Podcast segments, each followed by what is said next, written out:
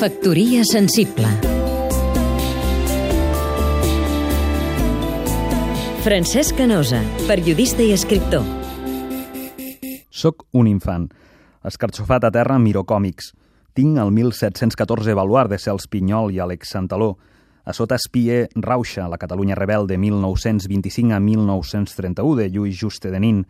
Dubto, ja no sé si són tebeos, còmics o, com diuen ara, novel·la gràfica. Tant se val, tot n'és ple, n'hi ha més que mai. Vivim una revolució dibuixada del còmic català. Soc més feliç que un anís i llegeixo en posició estora humana. Recordo el TVO i els mil i un superherois de la normalitat de l'escola bruguera i els dies en què em vaig creure que això podia ser Europa quan Cavall Fort i 13 vents feien parlar en català Espirou, Lucky Luke o Sergi Grapes.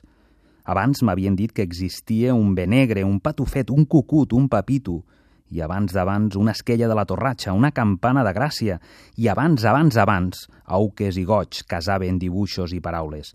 La nostra història són ratlles de llapis.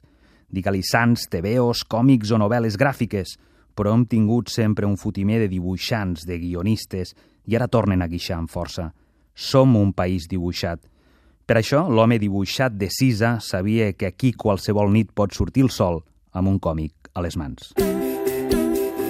Factoria sensible.